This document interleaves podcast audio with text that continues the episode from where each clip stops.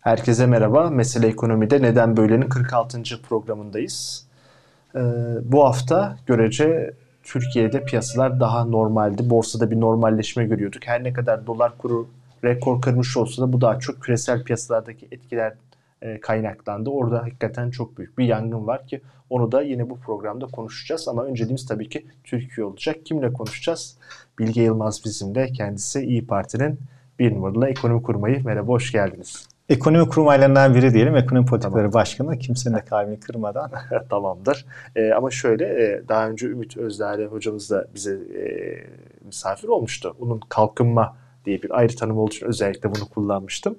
Ee, şimdi öncelikle şuradan başlayalım. Yapılan esas AKP tarafından ekonomiye dair değerlendirme şu. Evet belli sorunlar yaşandı ama bunlar dünyada da var Hatta bizden daha da fazla var. Hani orada tabii ki bir hatalı söylem, bir bilinçli yalan söyler. Yurt dışındaki enflasyon daha yüksekmiş gibi yani. Onu tamam yalan kısmını bir kenara bırakalım. Ama dünyadaki yaşanan bir sorun uzantısı burada. Biz buna rağmen burada çarkları döndürmeyi başardık. İşsizliği biraz daha aşağıya çektik. Sizin e, gider e, sıkıntınız varsa, satın alma gücü sıkıntınız varsa da bunu e, maaş ücret zamlarıyla telafi etmeye çalışıyoruz. Hatta yılbaşından sonra daha da edeceğiz. İşler bir seferlik yurt dışı nedenlerden ötürü böyle kötü gitti. Toparlanıyoruz. Çok da endişe edecek bir şey yok diye deniyor. Diğer taraftan da tabii teknik mevzular var. Bütçe açığı, kur korumaları ama bunlar vatandaşın günlük hayatına girmeyen bilmediği bir şey. Yani 74 milyar dolarlık kur koruma mevduat dediğiniz zaman insanların gözünde bir şey çıkmıyor. Çünkü 74 milyar dolar hayal edilemez bir para. E, Amerikalılar için de büyük para. Şimdi böyle bir ortamda e, sizin gördüğünüz bu iyimser AKP'nin başta Erdoğan olmak üzere sunmaya çalıştığı senaryo ne, kadar uyumlu? Yani böyle bir durum yok mu? Biz mi abartıyoruz? Ya şimdi tabii dünyada problemler mevcut. Onları biraz önce bahsettiniz gireceğiz diye Murat Bey. Yani ayrıca sorarsanız gireriz ama dünyada enflasyondan bahsedersek dünyada bir enflasyon problemi var. Gelişmiş ülkelerde genelde ortalama tek haneli yüksek tek hane. İşte Amerika'da %8 civarı, çekirdek enflasyon %6'yı geçti. E, ama tabii Türkiye eğer bu kadar kötü yönetilmeseydi son bir yıl içinde bile eski kötülüğüne devam etseydi ben enflasyon %30 geçeceğine inanmıyorum. Yani, yani bu nas denilerek faiz artırımı o indirim olmasaydı bile tabii. gene yani şöyle söyleyeyim. Geçen yazdan son 12 ay içinde bu girdikleri patikaya giremiş olsa şu an enflasyon gene Türkiye'de yüksek olurdu ama 30 olurdu. Şu an söyledikleri 80 kimse inanmıyor. Yani 80 diğerine 30 oldu. Tabii ki 30'un altı belki 20'lerde, yüksek 20'lerde olurdu. E bu Türkiye'nin büyük ölçüde kendi yarattığı problem. Sadece dışarıda da problemler yaşandığı için e, biraz bahane oluyor açıkçası. Ama dışarıdan bahsedince de dışarıdaki kötü gelişmeler esasen hızlanacak. E ona da hazırlıklı olmamız lazım. Peki yani e, çarklar dönüyor deniyor. Tabii, tabii çarkların hep dönmesi gerekiyor zaten. Bu ayrı bir bakış açısı ama en nihayetinde işte e, sizi işsiz bırakmadık. Zaten işsizlik vardı. %10'luk bir işsizlik. Kanıksanmış bir şey. Bunları özellikle bu şekilde sormamın nedeni yani iktidarın ısrarla bunları söylemesi. Bakıyorlar e, işte batık kredilerimiz de çok az diyorlar. Tabii veri güvenilirliği bir başka bir şey. E, işte enflasyonda baz etkisiyle düzelir. Tabi baz etkisini vatandaş tam anlayamıyor. Dolayısıyla bu fiyatların düşmesi olarak yorumluyor. Öyle bir şey olmayacağını hepimiz biliyoruz. E, ama yine de e, hani çarklar dönüyor en kötüsü geride kaldı. Bundan sonra 6 ay 12 ay içerisinde Türkiye tekrardan istikrarlı bir rotaya girer. Bu yönetimin devam ettiği senaryoda diyorum. Mümkün mü sizce? Ya şimdi şöyle Türkiye kötü gidiyor. Kötü gitmeye de maalesef devam ediyor sadece şu an makyajla ayakta tutmaya çalışıyorlar seçime kadar. Yani esasen Türkiye'nin problemlerini öteleyerek büyütüyorlar. Seçim olsun seçimden sonra problemler ortaya çıksın. Seçimi kazanalım biz kazanırsak o zaman bakacağız. Kazanmazsak zaten hani tabiri caizse bizden sonra tufan stratejisi gidiyorlar. Yani Türkiye'de şu an hiçbir şeyin fiyatı doğru belirlenmiyor. Piyasa koşulları belirlenmiyor. Yani doların fiyatını devlet kontrol ediyor. Doları almak isterseniz devlet engel olmaya çalışıyor. Doların tek satıcısı devlet. İşte ihracatçının elindekine el koyuluyor şu bu. E bakıyorsunuz diğer şeylere Türk lirası cinsinden devlete borç vermek isterseniz uzun vadeli %10-11 faiz. Kim veriyor? İsteyerek mi veriyor? Yok değil. O da zorunlu. Onu da devlet şart Bankalar. Tabii.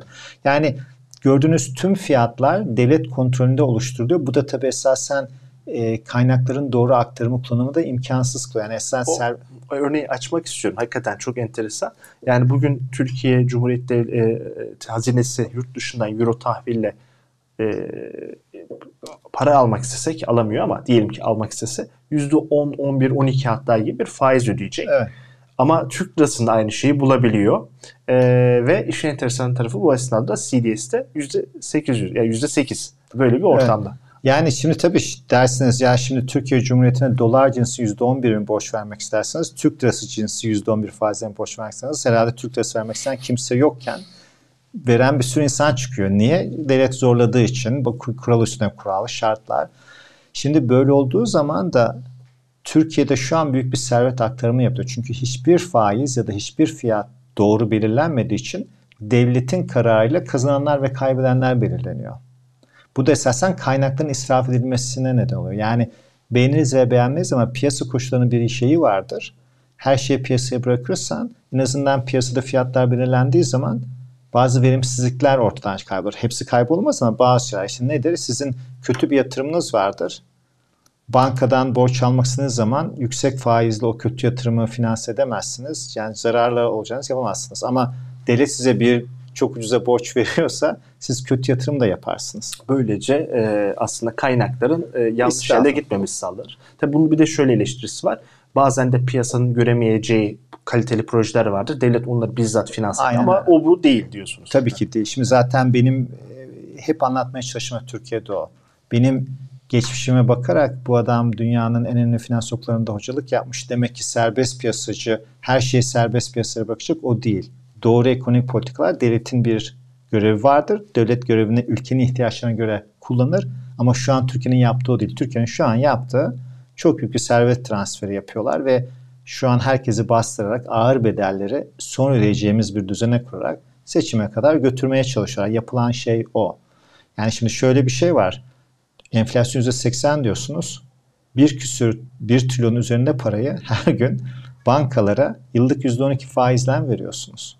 Kur konulu mevduat keza öyle. 75 milyar dolar kur konulu mevduat para var diyorsunuz. Onu e, çok ucuz faizle bankaları toplamasına müsaade ediyorsun. Çünkü farkını hazinede Merkez Bankası ödeyecek. Her hafta da 1 milyar dolar artıyor yani. Böyle de kalmıyor. Tabii.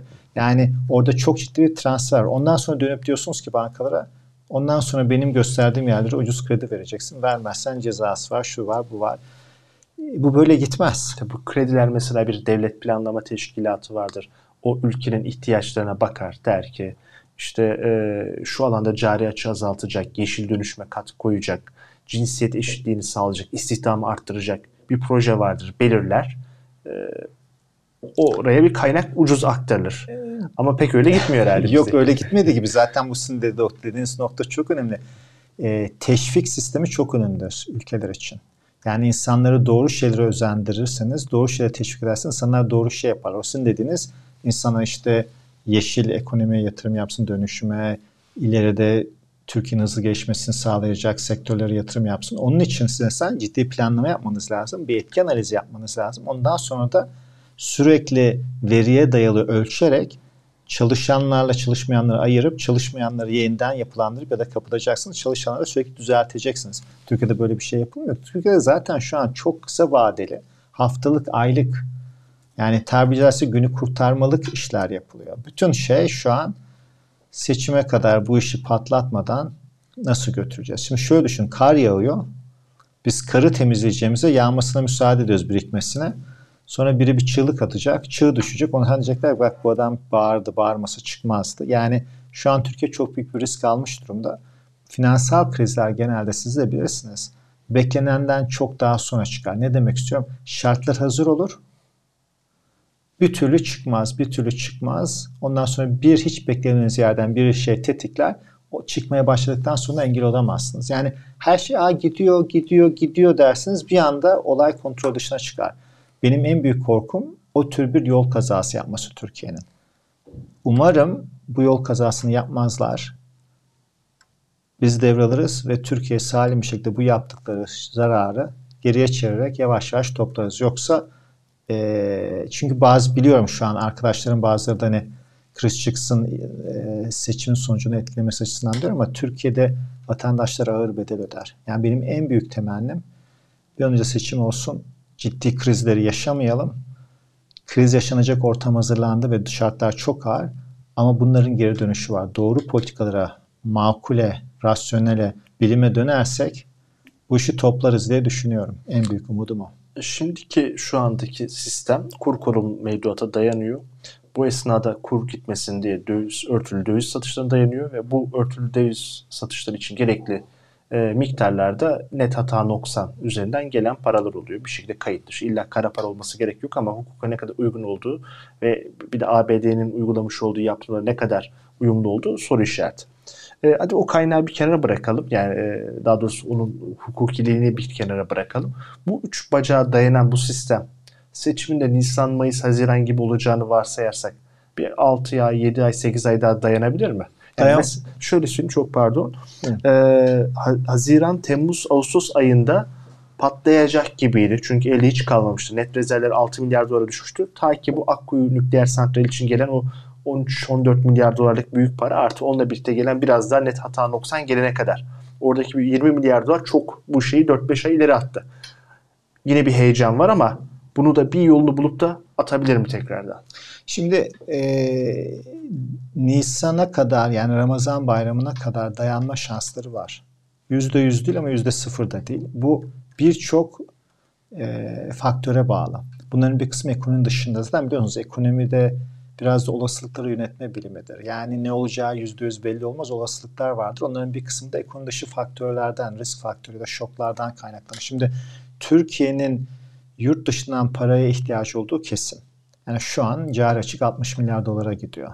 Ve şu an Türkiye'nin siz de biliyorsunuz bu yıl içinde yenilemesi gereken borçlarda borçla, borç yenileme %100 olmayacak. Demek ki biz 60 milyar gibi bir cari açık veriyoruz. O parayı bulmamız lazım. Üstüne bir de ödememiz gereken borçların bir kısmını da bulmamız lazım. Yani 185 milyar dolarlık 12 aydan kısa vadeli borç var. Bunun 55-60 milyar dolar e, ticaret kaynaklı.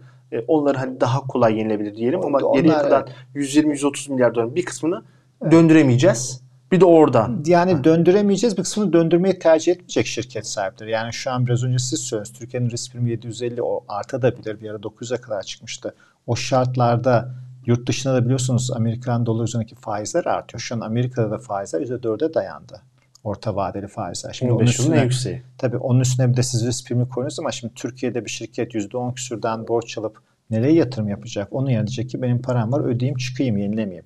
Bankaların bir kısmı da aynı şeyi yapacak. Yani o anlamda sadece biz borç bulamadığımız için değil, özel şirketi bankalar o borcu ödemeyi, yenilemeyi tercih etmeyecekler bedeli ağır olduğu için. Daha önce yapı kredide söylemiştim. Evet. Koşullar iyi Evet. gitmiyorsa uzatmayacağım sendikasyonları. Şimdi öyle olunca Türkiye'nin daha da paraya ihtiyacı var. Şimdi o paranın bir yerden gelmesi lazım. Yabancı yatırımcı Türkiye'ye uzun süreli gelmek istemiyor. Çünkü makroekonomik istikrar yok, hukukun üstünlüğü yok.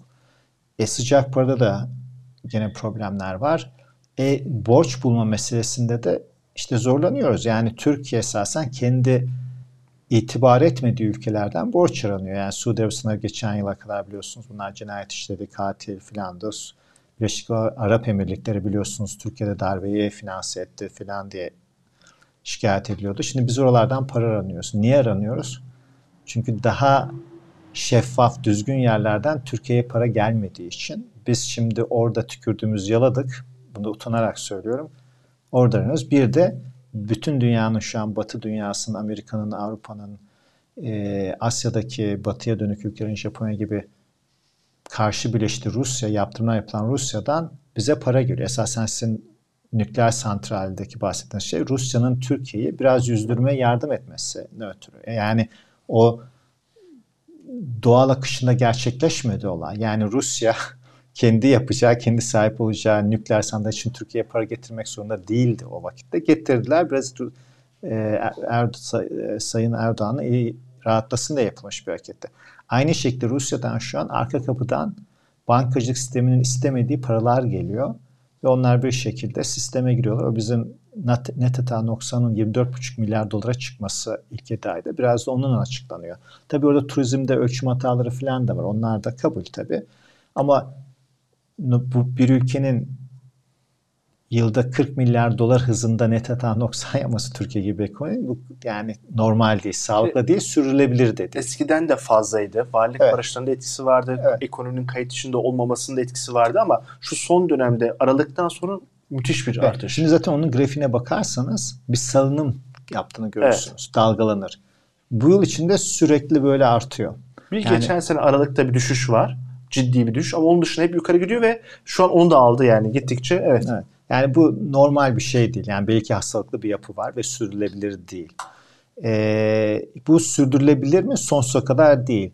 Birkaç ay daha sürdürülebilir mi? Ya da Rusya belki Türkiye'nin kendi problemden ötürü Türkiye'yi yüzdürmek isteyebilir. Bedava gaz verebilir. Borç borç yazar. Karşılığında nakit para isteyerine falan.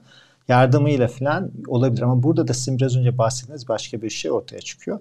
Rusya'nın bunları yapmak için kendi çıkarı var. Rusya bizim kara kaşımız, kara gözümüz için yapmayacak bunu.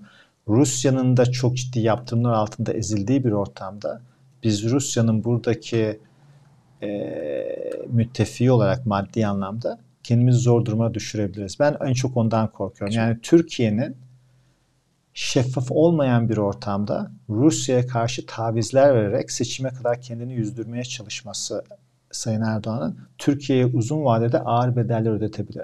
Yani ben hep şundan çekiniyorum. Bizim paraya ihtiyacımız varsa biz niye şeffaf piyasalarda bu parayı aramıyoruz? Hep Rusya, Suudi Arabistan, Birleşik Arap Emirlikleri bunlar çünkü bir tercihtir. Ki yıllarca da AKP bu paraları en çok alan. Bu şekilde de devasa bir dış politika Evet. oluşturan. Evet.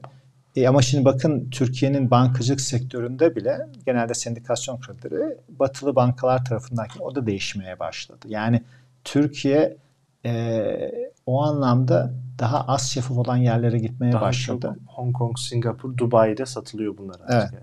Evet. Yani ben endişeliyim. Yani milli çıkarlarımızın uzun vadede aleyhine tavizler verilecek ve bizim ileride başımız çok ağrıyacak, bu vatandaşın başı çok ağrıyacak diye korkuyorum. Korkuyla izliyorum. Orada biraz detaya girmek istiyorum. Şimdi bir taraftan e, Rusya'dan petrolü daha ucuz alıyoruz. Dolayısıyla ABD ve AB1 G7 ülkede daha doğrusu petrole tavan fiyat uygularlarsa bizim için bir sıkıntı olmayacak. E, gaz fiyatı zaten çoğu spot piyasa yerine ikili anlaşmalarla alıyoruz. İlk öyle alıyoruz. Diğer türlü çok daha pahalı olacak. Onun %25 kadarlık bir kısmını ruble cinsi ödenebilmesinin önü açıldı. Soçi'de ve Semerkant'taki Erdoğan-Putin e, görüşmelerinde. Şimdi e, bu kısma bir de ruble cinsi kredi eklenirse oradan da bir 5-6 milyar dolar döviz tasarrufu ki para gelmesi bir tasarrufu imkanı var. Evet. E, MIR sisteminde de Türkiye geri adım attı. Yani arada gidiyoruz. Şimdi bu taraflarda Rusya ile iş yapıyoruz. MIR'de de yapacaktık, yapıyorduk. Belki de çok ciddi para geliyordu. Ama onda dedik ki tamam burası Amerika'nın e, kırmızı çizgisine basmışız deyip bir hafta gecikmeli olsa da onu da durdurmaya karar verdik. Ya bu iki arada gidip gelirken e, işte hani tamamen Rusya'nın bünyesine girecek kadar değil. ABD'nin de ama yaptırımlarını e, etki hareketlendirecek kadar değil. O aradaki çizgiden gidilemez mi? Şimdi bakın şöyle bir ara bulmak mümkün ama o ara Türkiye için yeterli olacak bir soru o. Şimdi bir adım geri atarsak şöyle Türkiye Rusya'nın komşusu. Yani iyi komşuluk ilişkileriyle belli işleri götürmek lazım. Yani e, kutuplaşma, düşmanlık kimse için iyi bir şey değil. E, yani onun için biz Amerika ya da Rusya ikisinden birinin tarafı olmak zorunda değiliz. Biz tabii ki NATO'nun bir parçasıyız, müttefiyiz ama Rusya'yla da sınırımız var. Yüzyıllardır yan yana yaşıyoruz. Komşumuz ki yüzyıllarda ciddi problemler yaşamış bu ülke iki arasında. Ciddi çatışmalar, çıkar çatışmalar olmuş. Onun için Türkiye'nin burada işini biraz ciddiye alması lazım. Sizin çok uzun tarihsel anlamda çıkar çatışması yaşadığınız, doğal bir çıkar çatışması yaşadığınız bir komşunuzla iyi komşuluk ilişkileri götürerek ileride bu çıkar çatışmalarının iki tarafı da zarar vermesini sağlarsınız. Ama bunu yaparken bu doğal olmayan bazı şey işbirliklerinde siz eğer asimetrik bir ilişkiye girerseniz o zaman elinizi zorlaştırırsınız. Şu an Türkiye'nin Rusya ile olan ilişkisi asimetrik. Ne demek istiyorum onunla? Türkiye gaz mevzusunda Rusya'ya çok bağlı enerji konusunda. İthalat ihracatımıza bakıyoruz Rusya'yla. Çok ithalat yapıyoruz, çok az ihracat yapıyoruz. Bunun kömürü var, e, hurda demiri var, Tabii. yine petrol var, turistlerin Tabii. gelmesi var. Çok boyutu var. Evet.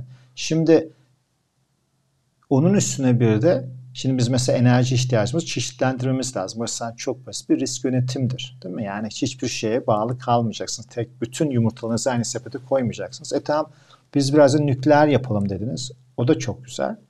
Yani onda çevreci arkadaşla konuşulur. O doğrusu mu diyeyim de ayrı tartışabilir. Şimdi hı hı. çevre risklerini kenara koyarak söylemek istiyorum. Belki de Türkiye'nin nükleere girmemesini de ikna edebiliriz. Yani düşünebilirsiniz çevre olaylarına ötürü. Ama diyelim ki öyle bir probleminiz yok. Girmeye karar verdiniz.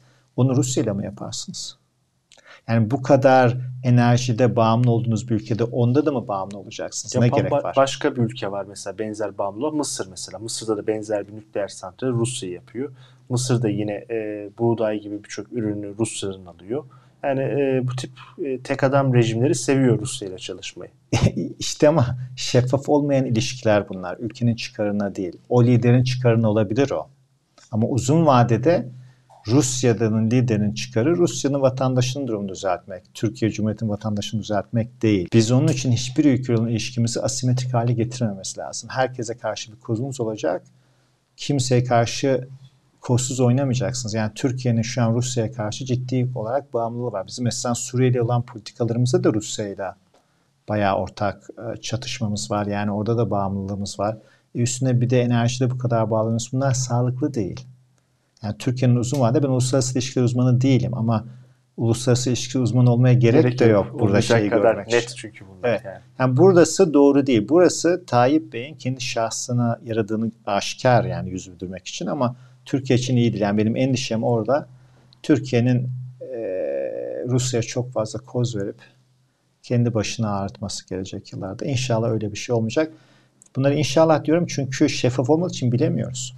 İşin çok enteresan tarafı ise 7 yıl önce bir uçak düşürme krizi vardı ve ardından da e, Türkiye'nin işit petrollerine dair e, Rusya'nın elinde uydu görüntüleri olduğu iddiaları vardı. Nereden nereye deyip. Şimdi diğer konuyu atlayalım.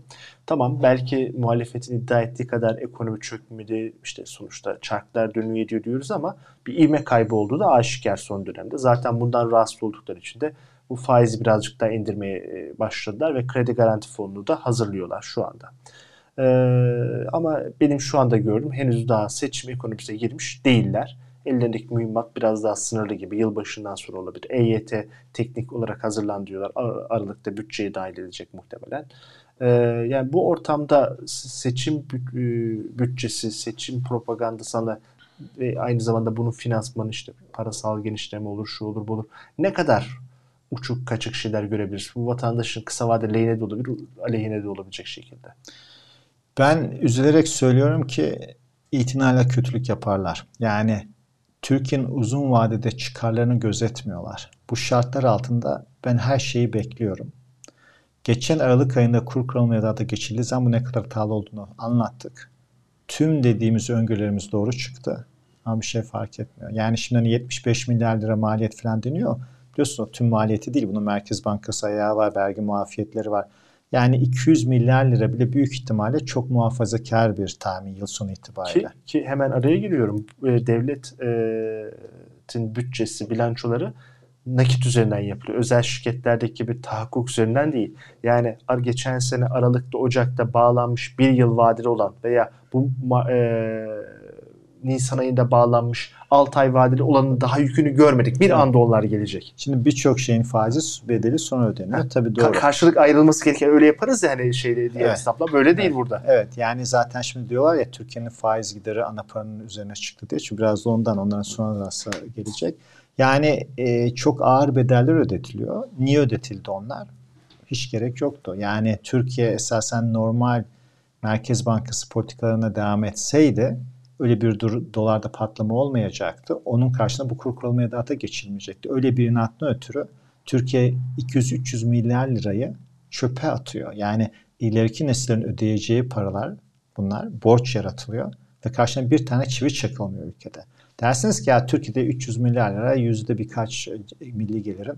Zaten borcumuzu ekleriz sorun değil. Doğru ekleyebiliriz Türkiye batmaz ama karşında bir hizmet almıyorsunuz. Yani gelecek nesiller bu parayı ödeyecek. Karşında okul mu yapıldı, hastane mi yapıldı, yol mu yapılıyor hiçbir şey değil. Bir Türkiye'nin inat, bunlara hala çok ihtiyacı tabii, var. Bir inat uğruna, politik inat uğruna bunu yaptılar. Şimdi bunu yapan her şeyi yapar. bundan sonra gelecekte ekonomide ağır bedeller ödenecek şeyleri kısa vadede iyi gözükmek, göstermek için ekonomi yapacaklar. Yani çok ciddi bir şekilde harcamalar yapılacak. Esasen harcamalarda yapıldıkça biliyorsunuz cari açık patlayacak. Cari açık patlayınca döviz likitte problemini tetikleyeceği için. Yani orayı daha e, şey ayrıntılı alalım isterseniz. Yani Tabii. E, e, ülkedeki şu anda o kadar mal ve hizmet yok. Siz talebi körüklüyorsunuz. O zaman yurt dışından da alacağız. Tabii. İthalatı. Hem enflasyonu ateşleyecek bu. Önce enflasyon oluşacak. Ve aynı zamanda da dövize ihtiyaç var. Çünkü ithalat zaten ne zaman Türkiye hızlı büyüse bu bu tür e, suni büyümeler piyasaya devletin para sürmesiyle büyü, büyüse biliyorsunuz Türkiye'nin ithalatı patlıyor. İthalat patlayınca da çünkü milletin ne para veriyorsunuz o de mal ve hizmet istiyor onun karşılığında. E, dışarı içeride yoksa dışarıdan alıyorsunuz. Dışarıdan alınca açığınız artıyor. Sonra dolar bulmanız lazım. Yani içeriye fazla Türk lirası pompaladığınız zaman dışarıdan da dolar bulabilmeniz lazım. İşte o da döviz likidite problemini yaratıyor. İşte orada da o e, mutlu aralığı bulmaya çalışacaklar. Yani parayı basıp içeriği biraz hareketlendirecekler ama çok da basarlarsa bu sefer döviz likidite problemiyle karşılaşacak. İşte o arayı kaza yapmadan bulmaya çalışacaklar. Yani bulabilecekler mi dersiniz? Dünyada bir sürü şok geliyor. Yani bu sadece sizin kontrolünüzde olan bir şey değil. Yani arabayı kullanıyorsunuz, dar bir yerden geçirmeye çalışıyorsunuz. Burada yağmur yağmaya başlamış, yerler kaygan filan. Yani oradan geçirebilecekleri herhangi bir kaza olabilir. Onun için bilemiyorum. 2000, Ama 2011'de örnek vermek istiyorum. Türkiye dünyada ABD ve Birleşik Krallık'tan sonra en yüksek cari açığı vermişti. 75 milyar dolar. Sonra eskisiyle göre %9,5 gibi bir şeydi yanılmıyorsam gayri safi yurt şahısların. 2011'de para bolluğu olduğu için bunu rahatça yapabilmiştik. Ee, şimdi öyle bir durum Maalesef yok. Esen dünyayı da iyi okuyamıyorlar diye korkuyorum. Yani şu an dünyada bir enflasyon var. Bu enflasyonun birçok nedeni var ama iki tane başlıca nedeni e, gelişmiş ülkeler özellikle vatandaşları mağdur olmasın diye sisteme çok para soktular. Hem finansal piyasaları e, dengelemek için hem de e, işe gidemeyen insanların harcamına devam etmesi için. Evet. Yani bir 5 trilyon dolar kadar Amerikan Merkezi Bankası para yarattı. Onun dışında da Amerika'nın gayri safili yani Amerika'nın milli gelirinin %10'un üzerinde bir parayı e, Amerikan hazinesi vatandaşlarına dağıttı. Şimdi bu paralar tabi bayağı bir ekonomiyi hareketlendirir. Bununla beraber de kapanmalardan ötürü sağlık nedeniyle üretim aksadı. E siz arzı düşürdünüz, talebi hareketlendirdiniz para basarak sisteme. O enflasyon yaratıyor. Yani bu esasen çok aşikar bir enflasyon. Şimdi dünyada da bunun tartışması yapıldı. Takip ettiniz de benim siz de 2020'nin başında işte bu e, modern para politikası şeyi var, teorisi var. Bu benim inandığım bir teori evet. değil. E, ve burada da görüldü ki bu tür şeyleri siz esasen dolar basabiliyor olsanız bile bunu yaptığınız zaman bunun bedellerini ödersiniz ekonomide. Oradaki güvenilen varsayım şuydu. E, ki Japonya'da da şu anda kısmen geçerli. Talep bazen e, kalıcı nedenlerden, yapısal nedenlerden çok düşük olunca ne yaparsanız yapın enflasyon oluşmuyor. O zaman bunları deneyebiliyorsunuz. Hele bir de evet. güçlü ülke parası ama evet. Türkiye ne güçlü ülke parası hem de zaten üfleseniz oraya, enflasyonu %20. Evet, oraya geliyorum ben de. Ee, çok güzel. Şimdi orada da bu e, modern para teorisinin sınırları gözüktü. Yani sonuçta sen bu teorinin yanlış olduğu biliniyordu ama ampirik olarak dediğiniz neden türü belli bir miktarda sürdürülebileceği düşünüyordu. Hatırlarsanız Merkez Bankası sürekli şey dedi. Bu enflasyon geçici, kendi kendine geçecek. Geçmez. Transitory denilerek evet. evet. Geçici olmadığı ortaya çıktı. Şimdi enflasyona ciddi olarak mücadele ediyorlar. Şimdi bu mücadele edilince ne oluyor? E siz tedarik zincirlerinde hala zedelenme var. Hala orası kusursuz çalışmıyor. Şimdiki sıfır evet. Covid toleransından evet. türü. O zaman sizin yapmanız gereken ne? O zaman talebi kısacaksınız. Talebi kısmak da çok sancılıdır. Şimdi faizi arttırarak talebi kısıyorlar. Ekonomileri küçültüyor. Rusya-Ukrayna krizine ötürü arpının kendi şokları da buna eklenince bu faiz artışı ve dışarıda esasen e, kusursuz fırtına oluşmaya başladı. Şimdi bunun dışında Çin şeffaf değil. Çin'de çok ciddi problemler olduğunu biliyoruz ama kimse o problemin ne kadar büyük olduğunu bilmiyor. Yani bu da insanlar umursamadığı için değil ya da anlamaya çalışmadığı için değil. İnsanlar anlamaya çalışıyorlar ama Rusya pardon Çin şeffaf bir ülke değil. Yani devlet orada kapatıyor problemi ülke. Ki şunu da söyleyeyim. Hep genellikle Batı tarafının, Batı ülkelerin yapmış olduğu parasal genişlemeden bahsedilir. Japonya zaten çok çılgın bir noktada yani. E, toplam Japonya devlet tahvillerinin yarısı artık Merkez Bankası sahibinde. Ama e, Çin de 2007'den beri çok ciddi bunu yapıyor ve ABD kadar gayri safi yurt oranı o gelmiş durumda. Yani orada da aslında bir kötü ekonomik performansı bu ucuz parayla bir yüzdürme mevzusu geçerli. Tabii şimdi orada bir de onun üstüne üstlük batı krediler çok yüksek. Ve e, o da sürdürülebilir değil Çin'in. Yani Çin'in de bu şekilde büyüyerek dünyanın lokomotifi olması zor. Evergrande krizinde evet. gördük. Evet. Yani şimdi dünyada ciddi problemler birikti. Bunları zengin ülkeler atlatır. Onların vatandaşı çok ızdırap çekmez. Ama bedeli genelde daha e, risk iştahının olmadığı zaman da para toplamakta zorlanan ülkeler çeker. Şu an risk iştahının azaldığı bir ortama doğru gidiyoruz. Yani bu konuda da ben geçen ay bir video çekmiştim. Kendi tweet sayfamda yayınlamıştım ve dediğim şeyler çıkmaya başladı fark edersiniz. Merkez Bankası'nın agresif olmak zorunda olduğunu tahmin etmek zor değildi. Piyasa bir türlü inanmak istemedi. Dediler ki ya şimdi arttırıyor Merkez Bankası, Amerika Merkez Bankası 2023'te düşürmeye başlayacak. En fazla 3.5'a çıkar dediler. Şimdi o tahminler 4.5'a, 4.75'e çıktı. Şimdi onunla beraber şirketler bakıyorlar ki ciddi bir daralma gelecek. Paranın maliyeti arttı. Herkes kendini korumaya başladı. Bunlar korumaya 2001 başlayınca... seviyesi yani. Çok bayağı bir eskiye gidiyor faiz yüksekliğinde ABD. Tabii tabii tabii bunlar çok yüksek faizler. Şu an yani Amerika'nın 4 yıllık borçlanma borcu %4'e dayandı. E, bununla beraber de Amerika'da faizin yükselmesi Amerikan dolarını cazip hale getiriyor. İnsanlar güvenli liman olması ve Amerikan fa- dolarında faiz yükselsin Amerikan dolarına kayıyorlar. Biliyorsunuz Amerika doları euro paritesi de 0.95'e dayandı. Yani 1 euro 95 sent Amerikan sentine geldi. Bunun da Türkiye'ye zararı var. Bu ikinci bir etken, birinci bir etken değil ama Türkiye çünkü birçok e, ham maddeyi dolarcısından almak zorunda. Çünkü fiyatlar dolarcısı Dış belirleniyor. borçlarda daha çok dolar. Evet, evet. Ama turizm gelirleri avro. Evet. e, işte Evet. Ama ihracatımızın yarısı avro. avro. Bunu da düşündüğü zaman o da ikinci etki olarak Türkiye oradan da vuruyor. Yani Türkiye'nin hem e, para bulması zorlaşacak hem ödemesi gereken faiz artacak hem de ihracat yaptığı ülkeler biraz daralmaya başladı. İh- İhracat yapmak zorlaşacak. Yaptığınız ihracatta da geliriniz azalıyor. Çünkü euro kazanıyorsunuz büyük bir çoğunlukla. Yani bunların hepsini bir araya ama esasen bizi zor günler bekliyor. Tam o zaman son sorum olarak da onu sormak istiyorum. Bu kadar küresel koşullar olumsuz gittiği bir dönemde arka, e, AKP iktidarında bırakacağı bir enkaz var gibi. Zaten şu an durum kötü ama bir seçim ekonomisi de bunu birazcık da artıracaklar. 2024'te de bir yerel seçimler var. Öncesinde de işte önümüzdeki 6 ay sonra seçimler var. Bu aradaki dönem yani 2023'teki seçim oldu, iktidar değişti. Sizin de olduğunuz kadrolar yönetiyor. Sonra da bir, yaklaşık e, bir yıldan kısa bir süre içerisinde yeni bir tane daha yerel seçim. O aradaki süreçte hem siyasi istikrarı sürdürmek, hem ekonomik istikrarı korumak, hem de bu küresel zor koşullarda ne kadar mümkün, ne kadar kolay. Valla işimiz zor olacak. Şimdi terlettim şimdiden Ee, ama e, bunu yapmak zorundayız. Yani bakın ülkeler şirket değil. Yani şirketi kapatıp hadi herkes evine burada iş bitti kapatıyoruz, dağıtıyoruz, satıyoruz şirketi diyemezsiniz. Vatandaşlar yaşamaya, bu millet burada yaşamaya devam edecek. Onların refahını mümkün o kadar en yukarıda tutarak bunu atlatmaya çalışacağız. Şartlar zor ama imkansız değil. Bir de şöyle düşünün. Doğru şeyler yapılmasa da bu insanlar bu ülkede yaşamaya devam edecek. Doğru şeyleri yaparak onları çok daha iyi şartlarda yaşatabiliriz. Yani ben biraz da bunu şey gibi görüyorum. Fark yaratabildiğimiz sürece biz bu işe talip olmak zorundayız. Yani işler şimdi kötü.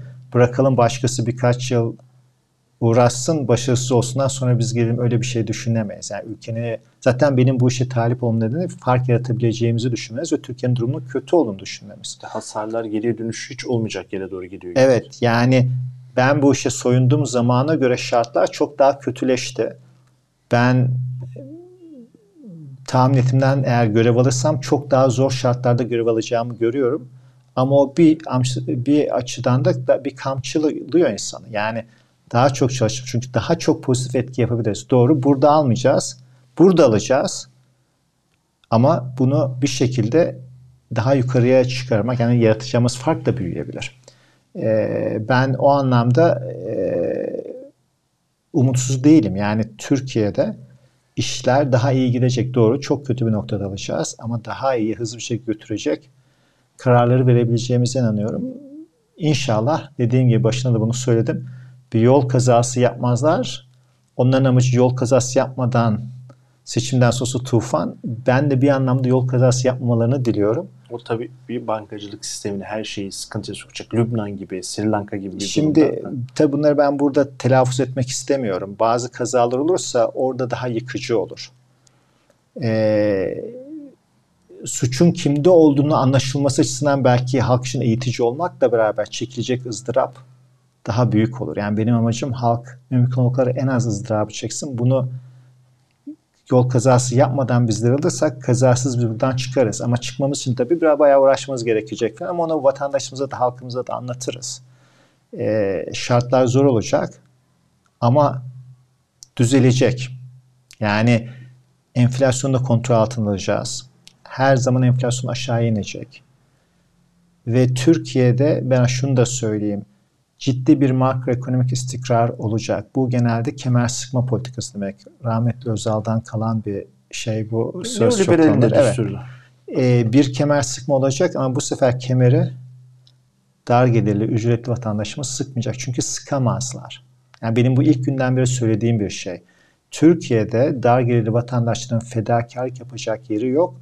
Onlardan fedakarlık istemek hak da değil, insani de değil.